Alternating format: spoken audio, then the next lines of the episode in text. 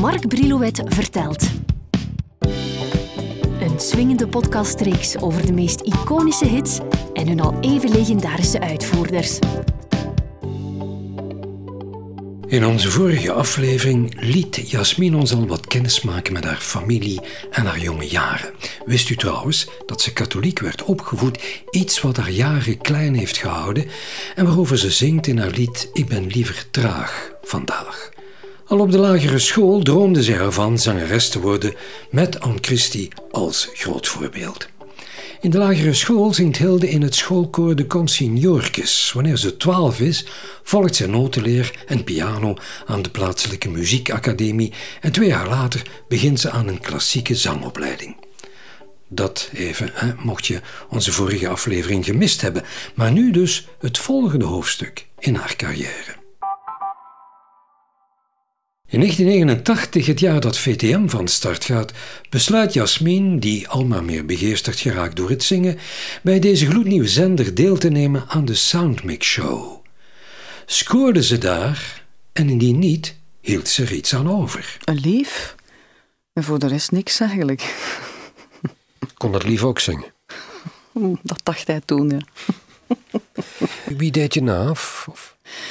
Ik probeerde, ik probeerde in die soundmix show eigenlijk zo weinig mogelijk iemand na te doen. Dus leek mij de figuur Evita Perron nadoen wel nog een idee. Uh, dat, dat was, vond ik, iets minder...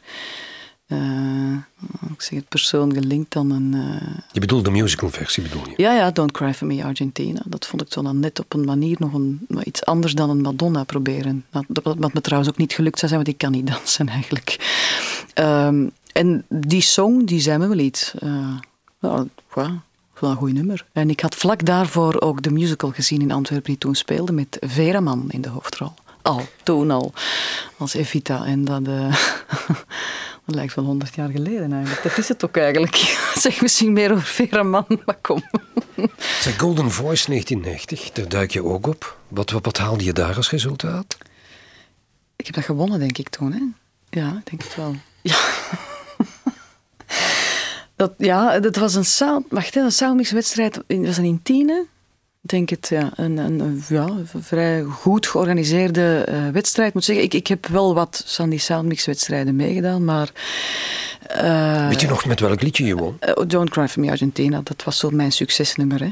Ik, mijn moeder kan ook zeer goed jurken naaien. Die had mij een fantastische jurk genaaid. Ik was precies de bruid, een bruid van, van 16 of 15. Nou, uh, en dat, dat sloeg altijd wel in. Dus uh, een succesnummer moet er niet zo snel veranderen, zeggen ze dan. Hè? Ja. Frank Arkenstein, kom je tegen? Of die kwam ja, je ook die tegen? Kwam ik helaas tegen die kwam ik helaas tegen, ja. Dat, dat is een uh, zwarte bladzijde in mijn carrière, absoluut. Ja. Dus maar, over die man wil ik niet te veel praten. Nee, maar goed, maar maak eens, maak eens even wit voor de geschiedenis. Uh, hem wit maken voor de geschiedenis, nee, nee, daar ga ik niet aan beginnen. Verhaal, maar, of, of, dat je die tegenkwam en wat gebeurde uh, Hij zat mee of had iets te maken met de organisatie van die wedstrijd. En hij vond mij wel een uh, interessante uh, zangeres. Zangeres van, ja, hoe oud was ik toen? 17 of zoiets. En uh, ik heb toen, in die periode had ik wat demo's gemaakt, op voorhand al, met wat bestaande nummers eigenlijk, die ik terug had ingezongen. En hij heeft dat cassettebandje van mij toen gekregen.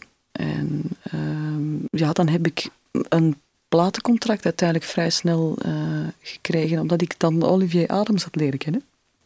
Een van de twee van Praga Kaan. Je hebt Maurice Engelen en Olivier. En die zochten nog wat jong talent, uh, Nederlandstalig graag, omdat dat net zo hip was in die periode. En zo is Frank ook mijn manager geweest. Hip. Huh? Hip. Hip. Hippe jonge dames zochten ze, ja. ja. Uh, en dus is het eigenlijk vrij snel gegaan. Het eerste plaatcontract was eigenlijk... Zeg, hoe kwam je aan die naam Jasmin? Want dat is een idee van hem, dacht ik. Heb al, nee, ik heb als kind altijd zo willen heten. Ja. En dat is, dus, dat, is, dat is een schattig kinderverhaal vooral eigenlijk. Uh, mijn ouders hebben een buitenverblijf in Spanje waar jasmijnbloempjes tegen de muur groeien. Dat vond ik... Uh, ik vond het gewoon geweldig goed rook. En, en dat het er tof uitzag. En zo had ik de jasmijnbloemen ontdekt. En die naam vond ik wel, vond ik wel mooi. En als ik dan 16 werd, leerde ik Jasmine Le Bon kennen, de echtgenote van Simon Le Bon van Duran Duran. Dat is dus een geweldig knappe vrouw, Mark. Ik had goesting om uh, Jasmine Le Bon te zijn. Zegt mama tegen jou Jasmine of Hilde? Hilde natuurlijk. Mijn vader heeft er een soort tussenweg in gevonden. Die noemde ondertussen uh, vooral Jaske. Dat is wat zijn troetelnaam. Maar natuurlijk is het Hilde, ja. Dus je hebt daar een platendeal bij ARS Antler, hè? Commerciële dance met een Nederlandstalig tintje. Wie denk je wel dat je bent? Wie schrijft dat liedje? Ik. Ik was thuis afgetrapt en het ging over mijn ouders. het was een uh, persoonlijke afrekening dat er even uit moest. Hoe horen we dat in de tekst? Uh, uh, als je de strofe had volgt, dan zegt het denk ik wel alles, ja. Ik moet zeggen, daarna is het zeer goed gekomen. Herinner jij nog iets van die opname? Pas op, wij spitten graag, hè? uh, ja, spannend natuurlijk. Eerste keer studio, eerste keer een song. Uh, een eerste keer een velletje papier bovenaan met een tekst die je zelf gemaakt hebt. Ja, dat is spannend. Dat is... En dat is confronterend als het dan klaar is. Ja. Vrij snel een eerste full cd, hè? Mooi zo. Liedjes onder meer Fred Becky. Ja, die tweede single was, kwam daar snel na die eerste single. kwam die Vraag me niet waarom. Dat was dan een, uh, ja, dat was een vrij groot succes. Uh, dat stond zes maanden in de hitparade. Ja, dan moet de kip met gouden eieren moet dan zo snel mogelijk leggen. En dat is een cd natuurlijk. Hoe werkte dat team? Adams, Engelen, Becky, hoe ging dat? Becky kwam er iets later bij. Ik, zat, ik was eigenlijk bezig met uh, Olivier en uh, Maurice Engelen zat daar eigenlijk aan de zijlijn. Die was toen ook al wel met Praga Khan en uh, Jade for You, andere new, wat in de nasleep van de New Wave, van de Belgische New Wave, was die al wel goed bezig, ook in het buitenland. Maar het was vooral Olivier die zich over mijn project boog.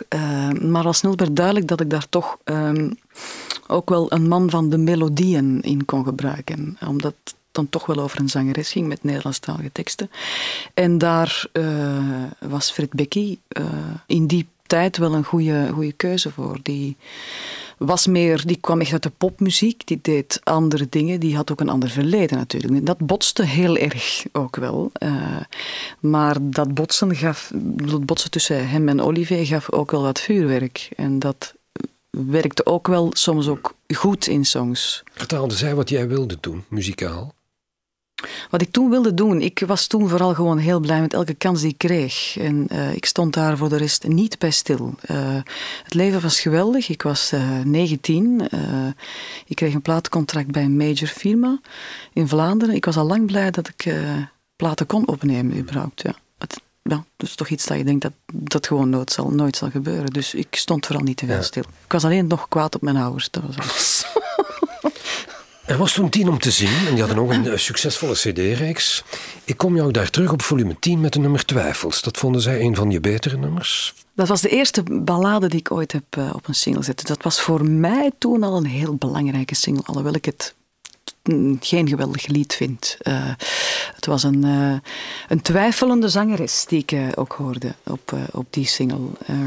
het stond op mijn... Ik heb de cd's hierbij. Ik denk op de eerste cd stond dat op. Het was mijn vierde single of zo. En het was een single die, ja, die toch wat moeilijker had. Ook omdat het was al een vierde single uit een eerste album. Dus dat is al... En dat album was goud. Dus dan heb je er al wel een pak verkocht. en voor mij een belangrijk belangrijk ding. Het was de schoonbroer van Ben Krabbe, denk ik, die die uh, tekst had gemaakt. Ben ik achteraf te weten gekomen. In 93 is het album Als jij dat wil. Uh, dat is ook een liedje van Fred Becky. En van... Uh, en Still Got the Blues. dat liedje, ik, ik ben me het eens even gaan opzoeken. Wat een kleine hit. ja, dat wel. Ja, waarom? Waarom werd dat een hit? Ik deed een act aan de, aan de vleugel. Mensen zagen plots ook dat ik nog piano speelde. Dus dat kwam een, dan opende zich een dimensie. Misschien was het dat, ik weet het niet. Of misschien zag ik er gewoon goed uit in die tijd. uh, ik, ik, geen idee. Snapte Becky wat jij nodig had toen? Of? Ik bedoel muzikaal, hè? Toen begon het al wat te botsen, moet ik eerlijk zeggen. Nu, pas op, frictie is, is goed ook. Hè. Is, kan ook een mens, of kan een samenwerking ook, uh, ook helpen. Uh, hij leerde mij ook meer en meer kennen. Uh, maar wat, zeg, vertel, vertel eens even, wat, wat, wat, was botsen dan? Ik wilde weg van de, echt, de, ja, dance is het eigenlijk nooit echt geweest wat ik maakte. Ik misschien meer happy house of zo noemen. Uh, het zat er altijd ergens tussenin en ik wilde daarvan weg. Ik wilde naar de organische muziek, ik wilde met een live band kunnen spelen stilaan. Want ik had toen al wel, het is mijn tweede album, toen eh, was ik al een jaar of uh, drie onderweg in Vlaanderen. Uh, met, god ja, zes, zeven optredens per weekend. En ik was toen nog student ook, met alle gevolgen van dien, op maandagochtend om half negen.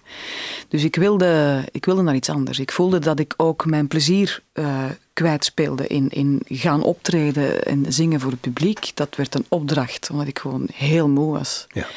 Dus dat gaf... Ja, ik wilde gewoon met een live band kunnen spelen. Ja. Mocht je het vervolg willen horen, hou ons dan goed in de gaten, want we vullen onze podcast wekelijks aan met nieuwe, boeiende verhalen. En vergeet ook niet tussendoor naar die schat aan liedjes te luisteren die Jasmin ons heeft nagelaten.